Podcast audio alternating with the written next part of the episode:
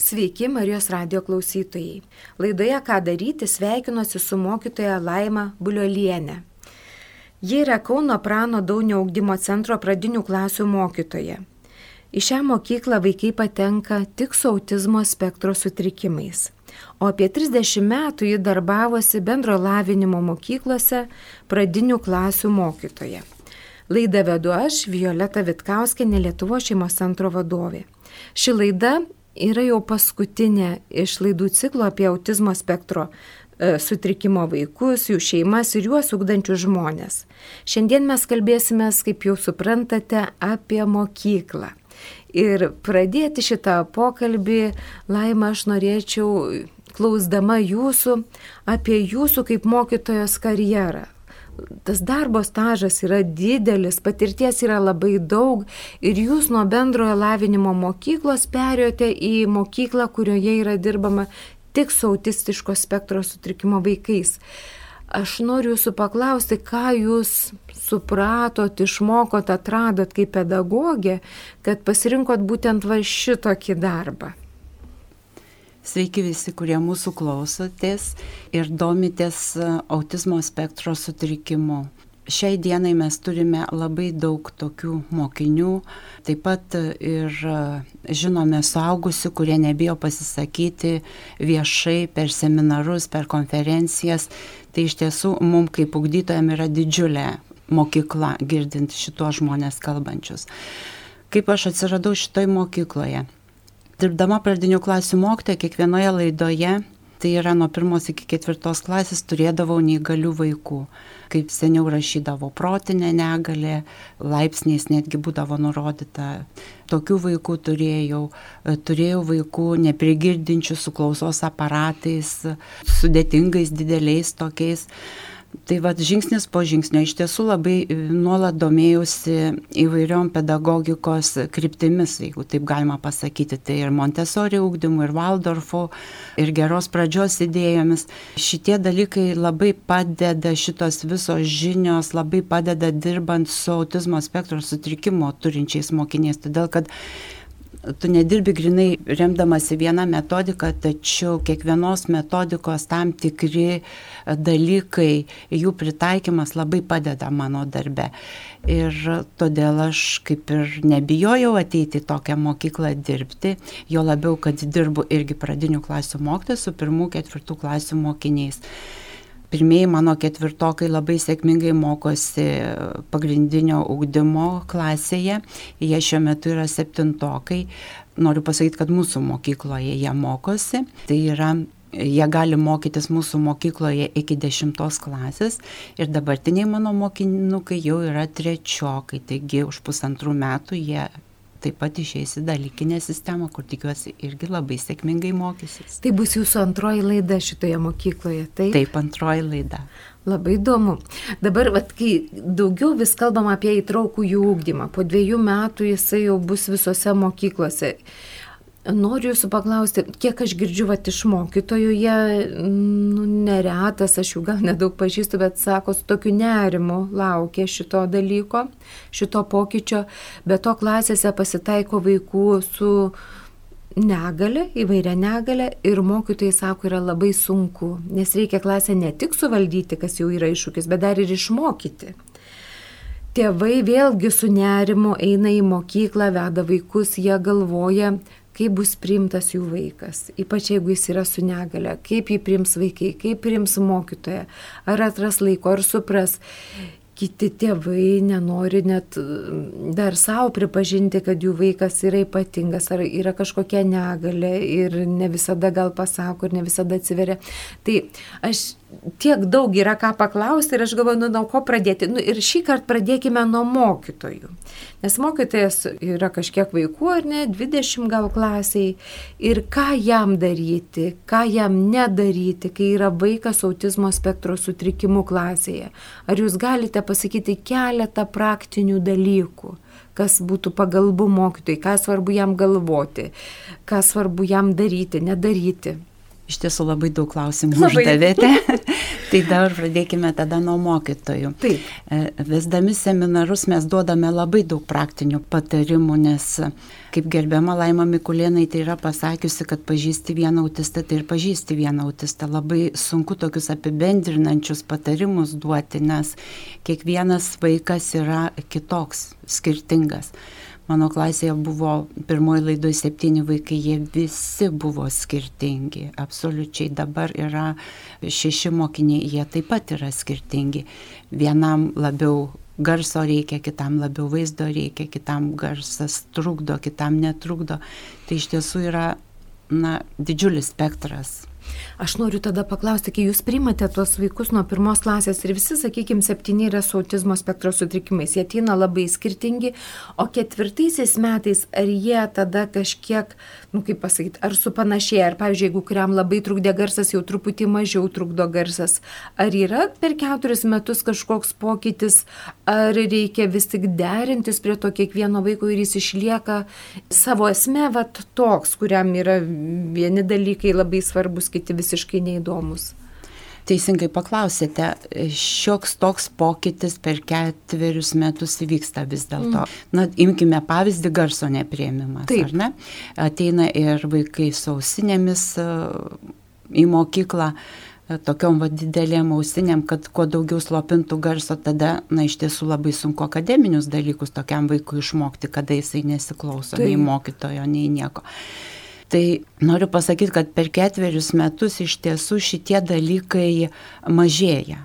Tikrai mano praktika sako, kad ir tą garsą priima geriau ir iki COVID, taigi būdavo ir bendri renginiai, ir spektakliukai, ir visa kita, tai esame turėję vaikų, kur visą spektaklį išsėdi nusisukęs ir rankomis ausis užsidengęs bet ketvirtuose metuose jis jau sėdi pirmoje eilėje ir kartu su aktoriais juokiasi, ploja. Ir, na, iš tiesų, auktis yra, auktis yra labai didelė šitų vaikų.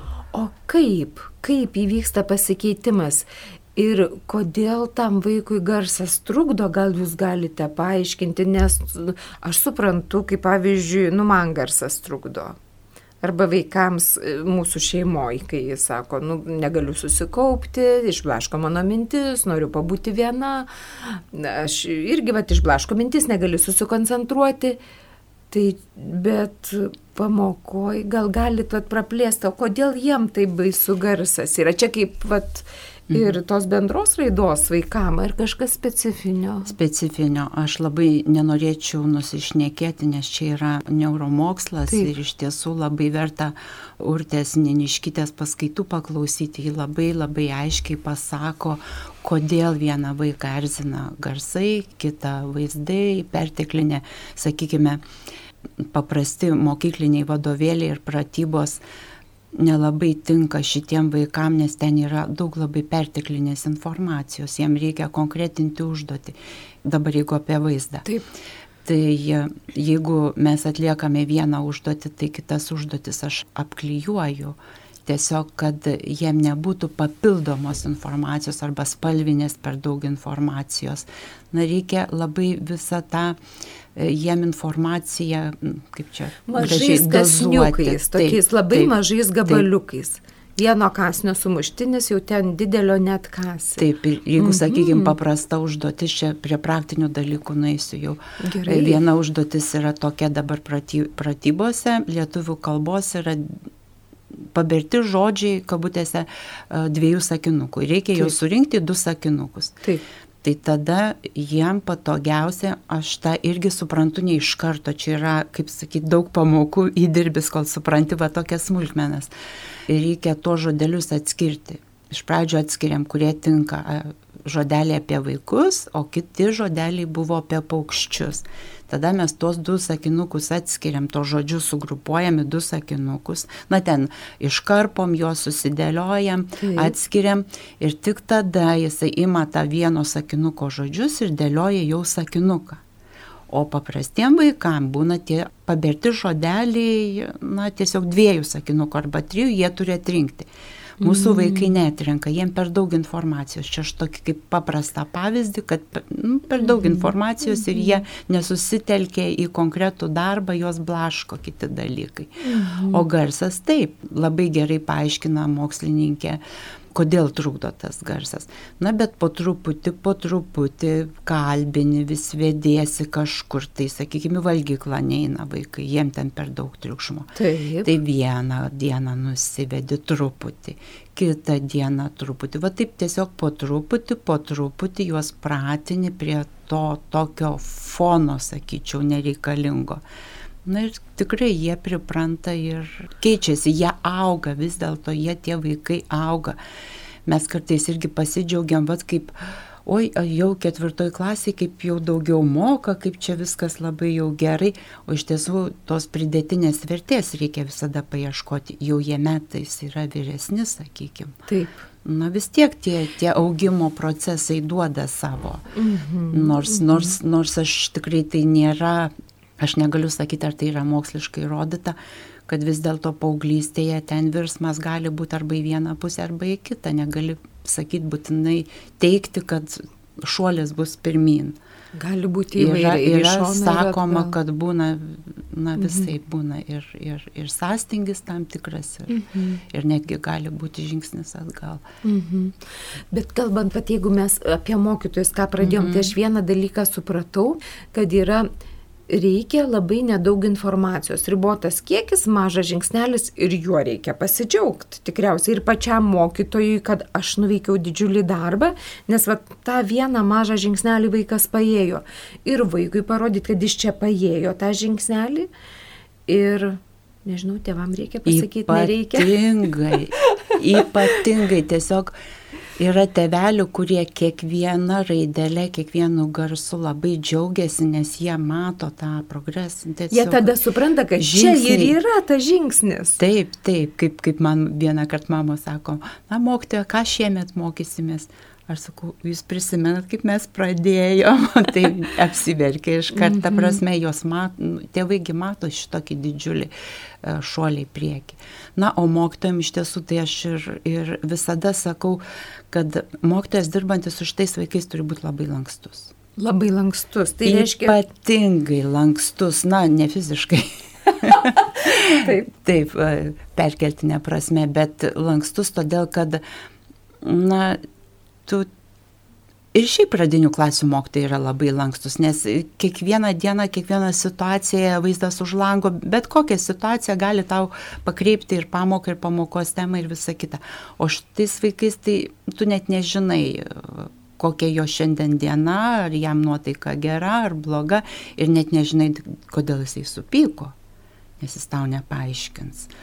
Reikia truputį kaip ir psichologai sako, kad e, per mokymus mum, kad vat jų tas keistenybės ir dar kažką, na, kaip pastumti į šoną, taip, nu, kaip ir nematyti jų, kaip taip. ir leisti kažką jiem ten truputį, na, kaip ir mum atrodo, ar keistai, ar blogai pasielgti, bet jie tiesiog taip išreiškia savo jausmus, emocijas ir tuomet Taip liktai nematai, liktai negirdi ir tada vėl jam sakai, važiuok šitą užduotis kokia įdomi, tai gal šitą padarykime, nes jiem labai patinka rinktis. Patinka rinktis ir paprastiem vaikams. Taip. Kadangi mes turim, sakykime, susiplanavę dienos krūvį, mhm. tai mes jam duodam rinktis ir, ir paskutiniai pamokoje jam jau nebėra iš ko rinktis, jau tenka paskutinę užduotį atlikti. Mhm. Bet jam yra labai gera nuotaika, nes jis pasirinko va šitą užduotį, šitą ir jis mhm. labai va šitą pakilimo bangą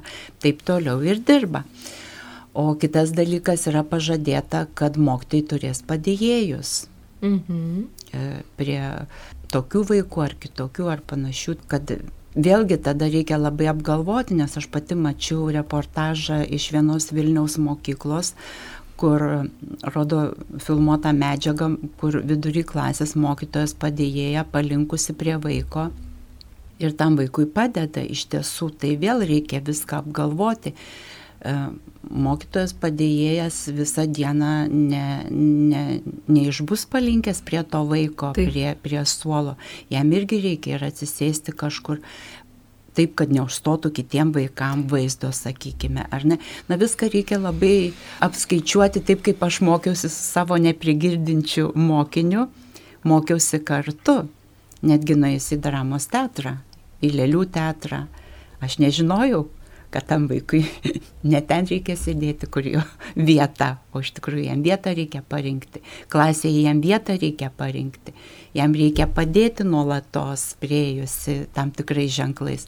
Tai va ir čia reikia apgalvoti, kur sėdės vaikas, kur mokytojo padėjėja, kaip jam tą pagalbą greičiau galima suteikti, kad, na, bet viską reikia apgalvoti, apskaičiuoti, nes iš tiesų tam vaikui pagalbos reikia daug ir mokytoja dar, aišku, turės papildomą darbą, kad turės paruošti jam ir tikėtina kitokias užduotis. Bet jūs sakykit man, kaip tam mokytojui sutalpinti viską, nes jeigu yra 20 vaikų, o šiaip būna 25 ar ne, 28 ir yra, pažiūrėjau, vienas autistas arba du, Ir aš vis tiek mokytojai sakau, super mamos tos mokytojas, nu ir vyrai tai super tėčiai būtų, nes šitiek vaikų apžioti ir juos sudominti, ir juos nuvesti ten tais dviem žingsniais į priekį, kad jie mokytųsi tikrai yra ir talentas, ir darbas didžiulis.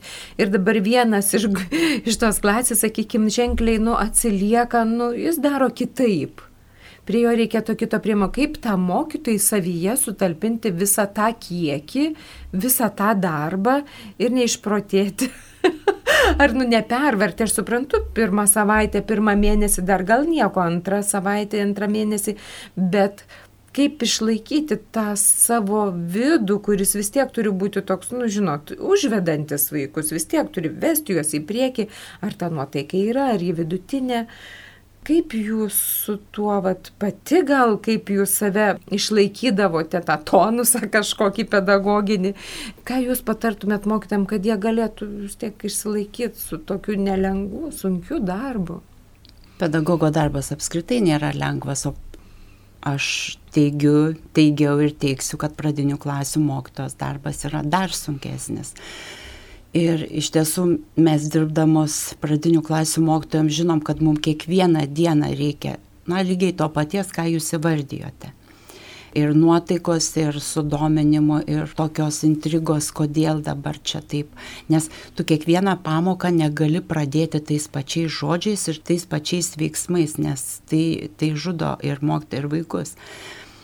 Na, aš nieko naujo nepasakysiu, mes kiekvieną dieną ruošiamės šitaip į darbą.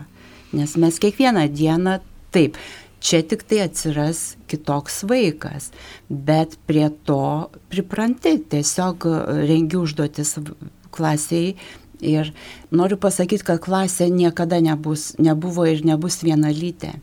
Mažiausiai klasė yra trys skirtingi srautai. Mažiausiai. Ir atsiras ketvirtas. Nu, ta prasme, A, nu, tiesiog kad, dar viena šaka. Taip, dar viena mhm. linija, kur dar labiau reikės palengvinti tą užduotį ir tiesiog pradžia bus labai sunki. Nes ir man pačiai, kaip direktorė jokauja, mokytoja, pasakykit, kaip jūs čia pradėjote dirbti. Direktorė sakau, ranką prie širdies neprisimenu. Nes, na, buvo iš tiesų nelengva ir tu, tu tiesiog pats uh, šokė tam tikram būni, kol aš bandžiau pritaikyti labai daug metodų, kur paprastoj mokykloje mes dirbam, aš matau, kad ir vienas Niekas netinka, mhm. ir kitas netinka, ir tikrai turi atrasti, juo labiau, kad tie vaikai autistiški, jie yra skirtingi. Ir, na, va, tokio recepto aš girdėjau dar per vieną kažkokį tai seminarą labai irgi gerą sakinį, kad negalima apie jos knygos parašyti, metodikos, kaip dirbti su tokiais vaikais, nes tiks tik vienam vaikui greičiausiai ta knyga. O aš galvojau, kad galima vieną laidą Na. apie tai, kaip dirbti su tokiais vaikais, bet žiūrėkit, jūs jau davė tokius kelis pagodžiančius dalykus, mano akimis. Vienas, kad mokytojai, jeigu jums labai sunku, tai normalu, ne jūs blogi pedagogai, ne jums blogai sekasi, bet tas laikas, kur jūs ieškote ir nežino tiksliai ko. Ir tada ateina laikas tikriausiai, kai vat eina atrasti ir tada labai reikia džiaugtis visiems, nes jūs pagaliau atradote ar tą vieną žingsnį, ar du žingsnius kažką va tokio. Ir aš suprantu dar tas momentas nereikalauti iš savęs ir iš vaiko ten tų kažkokių pasiekimų didesnių lygiuotis, bet kiekvienas eina vaikas savo ritmu, savo keliu Ir kad nenusivilti, kad ir vėl vaikai neišmoko, ar ir vėl vaikas neišmoko. Jis išmoks, kai jau ateis laikas, išmoks tiek, kiek jis pajėgia iš kiekvieno pagal galimybės, nes iš tiesų ir paprastoj bendro ūkdymo mokykloje tikrai ne visi vaikai pasiekia vienodų rezultatų. Aš tiesiog vieną pavyzdį noriu pasakyti iš savo praktikos. Mano mergytės, kur rašydavo diktantus be klaidų arba vieną, ten dvi klaidos, sakydavo taip lūpytę patempusius, mokytojo, kodėl jūs mane šiandien pabarėt už dvi klaidas, kai ten, tam berniukui vardo negaliu sakyti, 38 mačiau klaidos. Bet sakau, jam šiandien tik 38 aš suskaičiuoti galėjau, sakau, prieš tai daugiau buvo, sakau, aš jį giriu, O tu sakau, tai gali ir be klaidų parašyti, tau šį kartą buvo sunkiau. Bet man tas 308 taip įstrigo, kad vaikai sako, o pasitie klaidų, bet sakau, vis tiek mažiau negu praeitą kartą. Tai vad kiekvienas ir šitie vaikiukai, jie tikrai mažesniais žingsniais eis į priekį. Tai čia jau reikia, na, apsiprasti, bet jeigu jie bus kažkam labai labai gabus, Mano vienas mokinys mokėjo visus troleibusų ir autobusų maršrutus, žinojo, kurie važiuoja, koks numeris yra troleibuso ar autobuso ir kurios stoteliai mums išlipti. Mes pradžioje netikėjome, pažiūrim internetais teisus, vėliau mes tik jo klausdavom, su kokiu mums reikia ten iš ten nuvažiuoti.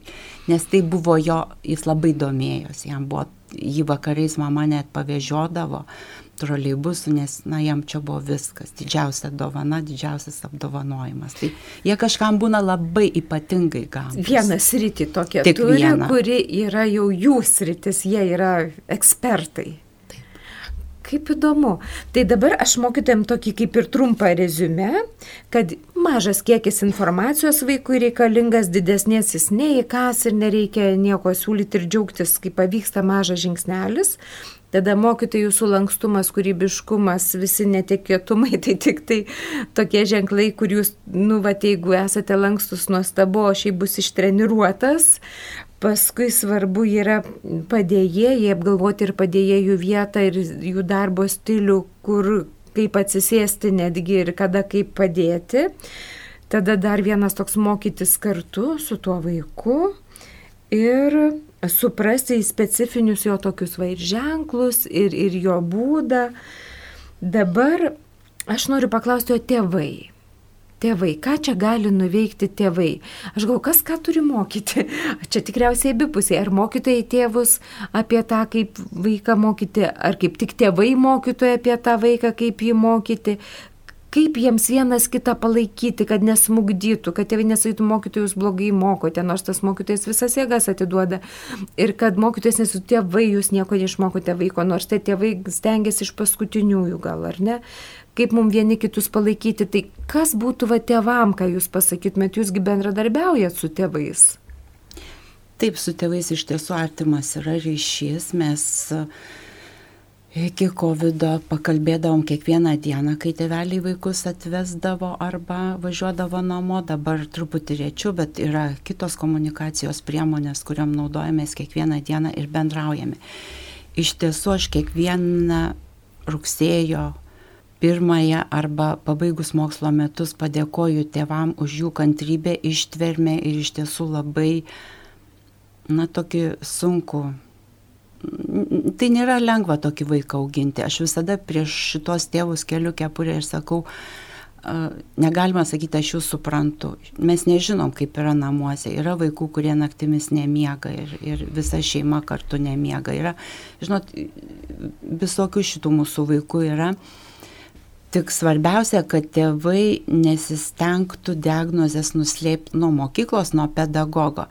Nes e, kuomet mes matome pedagoginių tarnybų išvadas, tai mums mokytojams yra palengvinimas, nes ten yra ir patarimų, yra parašyta, kokios pagalbos tam vaikui reikia, spetspedagogo, logopedo, kineziterapeuto, na įvairiausių yra šitų pagalbų, e, kurias galima suteikti mokyklose. Taip. E, mūsų centre labai daug irgi yra pagalbos specialistų, e, tai vaikai gauna visokiojopą pagalbą.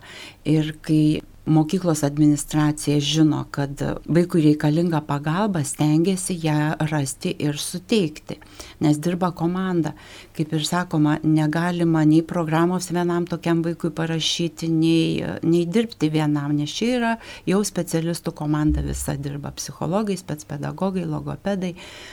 Ir teveliai dar visada prašom, kad pasakytų visus vaikų tokius, žinot, kol ypač pirmokai, Ypatumus. Ką, ypatumus, ką kitaip daro.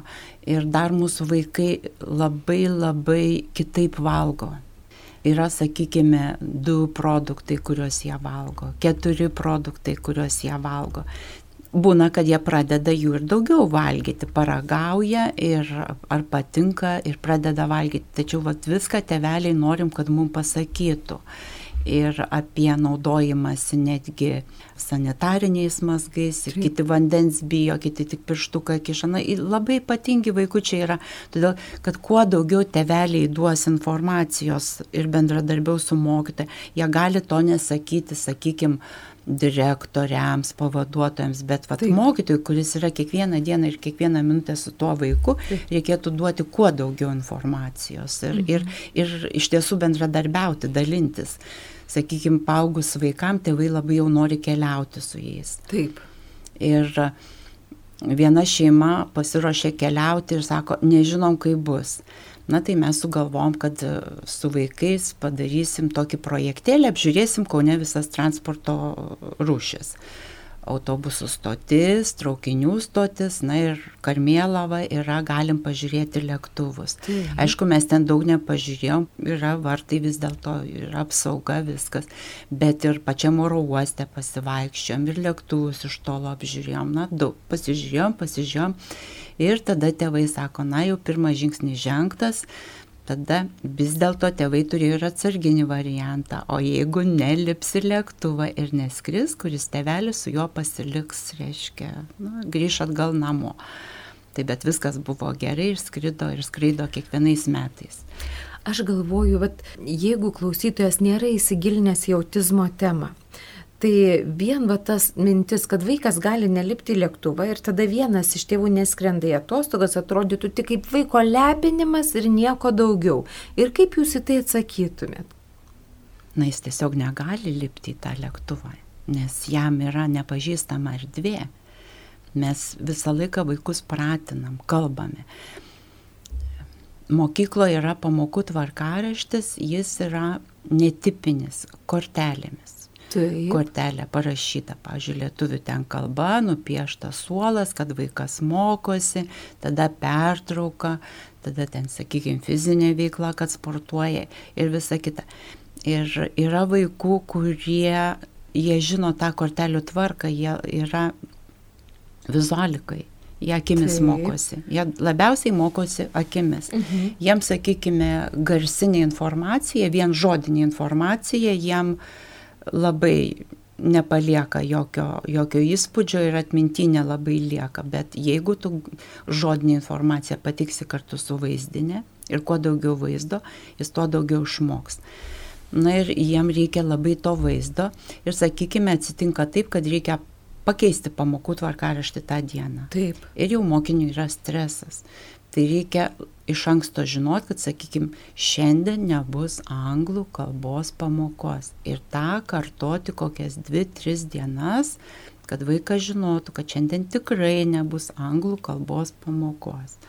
Na, va, yra tokios žaidimo taisyklės, kurias tu išmoksti dirbdamas tiesiog su tais vaikais. O, o pačioje pradžioje iš tiesų verta paklausyti tam tikrų mokymų žmonių, kurie dirba, psichologų paklausyti, praktikų nes na, yra labai daug plonybių, ką reikėtų žinoti. Aš galvoju, kad kai jūs kalbate, vienas iš svarbių dalykų suprasti tiek tėvam, tiek kaimynam, giminėms, elnelėms, ten pusbroliai pusėsrim, kad autistas vaikas, kai jisai užsispiria, Ir kai mes galvom, kad čia yra lepinimas ir eilinis užsispyrimas, jis užsispyrė ne dėl to, bet dėl to, kad jisai tuos visus pojūčius jaučia, aš kiek suprantu, daug stipriau. Ir tą garsą daug stipriau negu mes. Ir gali rūbai erzinti daug stipriau, ta oda yra be galo jautri. Smegenys negali apdoro tokio kiekio informacijos, kuri mums yra normali. Ir jie be mat iškrenta iš pusiausvėros, tai tikriausiai būtų to lygų aš gal kas mums užleistų kažkokią nežmoniškai garsią muziką, uždėtų kokią šutinę ten arba mm. kokį švitrinį popierių tikriausiai. Kaip bombos sprogimas jiem gaunasi ir jie tada išreiškia, kaip mes įsivaizduojam blogų elgesių. Taip, taip. Krenta, rėkia, spardos ar dar kažką bet tai mes jį suerzinom, mes jį išmušėm iš komforto. Visiškai vis... iš savo normalaus buvio tokio, taip, kur, taip. kur nėra tas komfortas, kur mes suprantam komfortą, bet jo toks išgyvenimo ritmas ir jis jau nebegali išgyventi, nebegali tverti to garso, to vaizdo, aš suprantu, to dirginimo odo su tuo rūbu ir jis gali plėšti rūbus, gali klikti, gali, kaip pats sakėt, nukristi ar ne? Taip, taip. Ir mėtyti daiktus, etiketės Mhm. Rūbo etiketės, pavyzdžiui, jos kai kurios labai erzina ir labai mhm. reikia. Tėvai jau kai žino, tai atsargiai viską nurenka, ten nepalieka jokių. Mhm. Ne, atėjo su rūbu ir rankovės per ilgos atraitoji netinka. Vėl mhm. pastatyk viską atgal į vietą. Na, ir, ir vaikas, sakykime, nekalba, bet jis išreiškia savo kūno kalbą ir tu ieškai priežasties, kas yra ne taip, tu turi atspėti na, nekalbantis vaikas. Na, tokių vaikų gal pirmiausiai mokykla gal ir neteis, mhm, nekalbančių mhm. ir, ir sunkiau ten besimokančių, mhm. bet vat, stipresni vaikai, kurie skaito, rašo, gali, gali kalbėti, tai tokių daugiau bus. Tai vat, tų, tų dirgiklių aplinkoje jiem yra labai daug. Aš gal, kai jūs kalbat apie tą vaikų mokymą ir tėvų elgesius vaikais man tokia kaip santykių juvelyrika. Nu, tai nėra tokie paprasti, kur tenai paėmėjai, va, ten toks esu metras, pusę metro, nesvarbu, čia juvelyrika atlenktas audinys, netlenktas, ilga rankoja trumpa. Viskas labai tikslu ir tas vaikas labai greit išeina iš pusiausvėros ir ne dėl to, kad jis yra išlepintas, bet tiesiog dėl to, kad jo kūnas ir psichika taip yra surėdyti ir su tuo negali nesiskaityti. Mums aišku daug lengviau suprasti žmogų be kojų, kad jis nepais, negu žmogų, kurio ta ypatumai yra tokie, nu, jie nematomi plikakim. Vaikas atrodo gerai, jis ir naugęs gražiai, apsirengęs gerai. Aš jums pavyzdį irgi iš darbo praktikos. Mes su padėjėja labai mėgdavom vežioti visur vaikus į troleibusą, į autobusą ir važiuojam. Ir, ir eglė, ir, na, iš tiesų visur, kur, visur, kur tik galima nuvažiuoti, mes apvažiuodavom. Na ir einant laisvės alėje, mes praktiškai kiekvieną kartą būdavom išbartos aplinkinių žmonių, nes na, mūsų vaikai elgesi netipiškai, gali pasielgti netipiškai. Vaikai gražus, gražiai aprengti, papuošti, kaip jūs ir sakot, niekas negalvoja, kad jie yra kitokie. Ir jie staiga pasielgia kitaip. O pavyzdžiui? Na, vis pjauna ką nors. E, ne, jie, jie, jie nėra agresyvūs, mhm. jie, jie šitaip nepasielgs, jie gali, na taip, kaip žmogui atrodytų e, ir kvailai paklausti kažko, A. kažką pasakyti, ne taip, kaip mes įsivaizduojam. Mhm. Gali per raudoną šviesaforą ištraukęs ranką bėgti, gali, na, tokių, žinot, atsitinka visokių tokių dalykų. Mhm. E, gali nutart šlapintis prie medžio ir tu nieko jam nepadarysi. Na, mhm. yra visokių tai dalykų ir yra, kad tu ir turi už rankos jį laikyti, negali leisti, nes nu, nežinai tuo metu, kur gali viskas. Kokia mintis šausi galva. Taip, taip. Mhm. Ir tiesiog Na, mes kiekvieną kartą būdavom išba, išbartos, kad ką jūs čia darote, kaip, kaip jūs čia vaikų nežiūrite, ir dar, na, tokių visokių komentarų, kad jie, jie tokie nemalonų, žinot, kad net net pamiršti paskui, net nu, taip įskaudina. Mano padėjė jauna moteris, tai jinai verkdavo ir verkdavo kiekvieną kartą. Arba įlipam į autobusą, visos vietos užimtos, ar ne? Praeime mūsų vaikas ir atsigula. Ir visi keliaiviai mūsų žiūri, kodėl mes nieko nedarom. Mes nieko ir nepadarysim jam. Tiesiog ateis laikas, mes lipsim laukis, atsistos ir išlips. Be pykčių, be, be ten kažkokių tai triukšmų, be nieko. Atsistojom ir išlipom. O jie visi žiūri į mus keistai ir pirštais bado, kodėl, kokios mes čia negeros, kad mes čia netvarkom, nes tu nieko negali padaryti.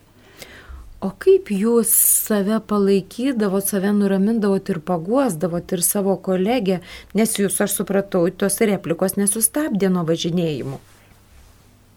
Šiek tiek sustabdė COVID, ne replikos iš tiesų. Na kaip, žinot, aš kaip jum ir sakau, aš tų replikų neprisimenu, bet aš, pavyzdžiui, prisimenu va tokius dalykus. Mano telefono šaukinys buvo tokia man patinkanti daina. Ir vaikai tą dainą girdėdavo ir per radiją, ir, ir, ir mano telefone. Pamokos vidury mano telefonas skleidžia tą dainą. Tiesiog man kažkas skambina ir prasideda ta daina. Vienas vaikas atsistoja iš suolo ir pradeda šokti. Mes su padėjėja susižvalgome, abi atsistojame, pradedam šokti, visi vaikai prisijungia, mes pašokom, nu kiek ten, 2-3 minutės ar ne, tikrai mhm. neilgiau, vėl atsisėdom ir toliau dirbom. Tai yra tokie perliukai, suprantat, kuriem va tokius prisiminė. Arba vienas vaikas, mokytoja batas, mokytoja batas, aš su sporbačiais buvau po, po fizinio augdymo pamokos, Sakau, nori mano bato? Noriu, imk. Pasėdėjo vieną pamoką su mano batu, atidavė ir tom baigėsi. Na, vat, aš apie ką ir kalbu, apie tą lankstumą mokti ir tą, situaci į tą situaciją pažvelgti gal su humoru reikia, ar ne? Kaip ir paprastoj mokykloje, jeigu tu užsikrausi savo daugiau to krūvio, negu tu pažiūrėsi į kažką su humoru, na, va tiesiog tokie dalykai ir tave atpalaiduoja. Paplaukti pasroviui, pasilinksminti, tikrai pasimokyti ta, iš tikrųjų. Ta sekundę. Taip, taip. Eiti į ryšį taip, su tuo vaiku ir taip. tą situaciją. Tai reiškia, jūsų akis yra reguliuotas ant tokių smagių dalykų. Oi, tik tai. Tik aha, tai. aha. Pozityvas. Ir žiūrėkit, mūsų laidos laikas tikrai jau eina labai net į pabaigą. Ir aš noriu jūsų paklausti, Laima, O ką jūs palinkėtumėt mokytojams, ką jūs palinkėtumėt tėvams, kurie susiduria iš arti su autistais, labai tėvai augina, mokytojai mokina, kai kurie va kaip jūs klasėje, kai kurie tarp daugelio vaikų, ką jūs palinkėtumėt jiems? Tėvam bendradarbiauti, būti atviriem su mokytojais iš tiesų kiekvienam žingsnėje, nes tai tik jų vaikų labui. O mokytojam. Mhm. Po vieno seminaro moteris tokia išeina ir sako, žinot ką, kolegės, aš dabar einu, grįšiu į klasę ir nebebijosiu. Tų visų sunkumų, Taip. tų visų iššūkių ir netgi to vaiko elgesio. Jis tokia patenkinta išėjo, sako, aš nebebijosiu. Nebijokit šitų vaikų. Iš tiesų nereikia bijoti, reikia būti su jais kartu pradžioje būkite kartu, susipažinkite, įsiaiškinkite, kas tinka, kas netinka, kas patinka, ką žino, ko nežino. Tiesiog būkite kartu, akademiniai dalykai po truputį. Žingsnis po žingsnio. Mhm, nesikoncentruoti tiek į akademinius iš karto, kiek labiau tą bendrą kelionę kartu.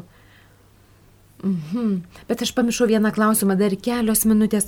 Aš visai pamiršau paklausti, o kaip su vaikais, va jeigu yra autistas vaikas, o kiti vaikai klasėje ne autistai, ir, nu, sakykime, jo skirtingumas matosi, kaip mokytojai padėti su bendradarbiauti su klasiokais, ar turit kokią idėją, mintį? Buvau susitikusi su savo mokinė, kuriai virš 20, ir jinai dar man kartą priminė mano pasakymą, kurio užteko vieną kartą per keturis metus, kodėl mes skirtingi.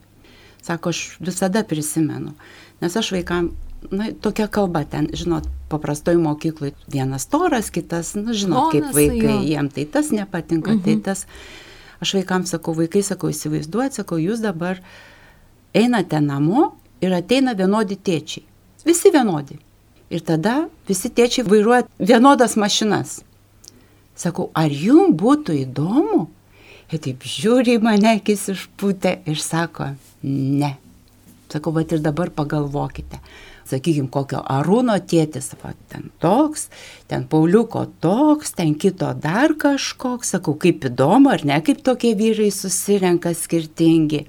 Ir žinokit, va tokio karto užtenka, mes visi skirtingi. Iš tiesų labai sunku. Turiu pasakyti, kad visada klasiai būdavo didžiulis iššūkis toks vaikas. Bet ir tevams sakydavau, mūsų vaikai išėję į gyvenimą, toliau į kitą mokyklą perėję, jie nebebijos kitokių žmonių. Jie čia gavo tokią gyvenimo mokyklą, kad yra kitoks vaikas, kaip jam padėti reikia, kaip kartu su juo būti reikia. Labai jum ačiū, man taip suskambėjo tas vat, vienodi tėčiai, vienodi automobiliai, kaip Niku. Tai mėly Marijos radio klausytojai, labai nu, džiaugsmingai baigėme tą laidų ciklą apie autistiškus vaikus ir jų šeimas ir jį užbaigė tikrai labai taip elegantiškai ir gražiai mokytoja Laima Buliolienė. Labai jum ačiū. Ir kam atrodo tema neišsemta, galite vėl kartas nuo karto paklausyti laidas, ką daryti, rasite ten vieną kitą temą, kur matysite, kad kažkas tikrai prasprūdo prausis, o dabar linkiu Jums gero vakaro geros dienos ir sudie. Sudie.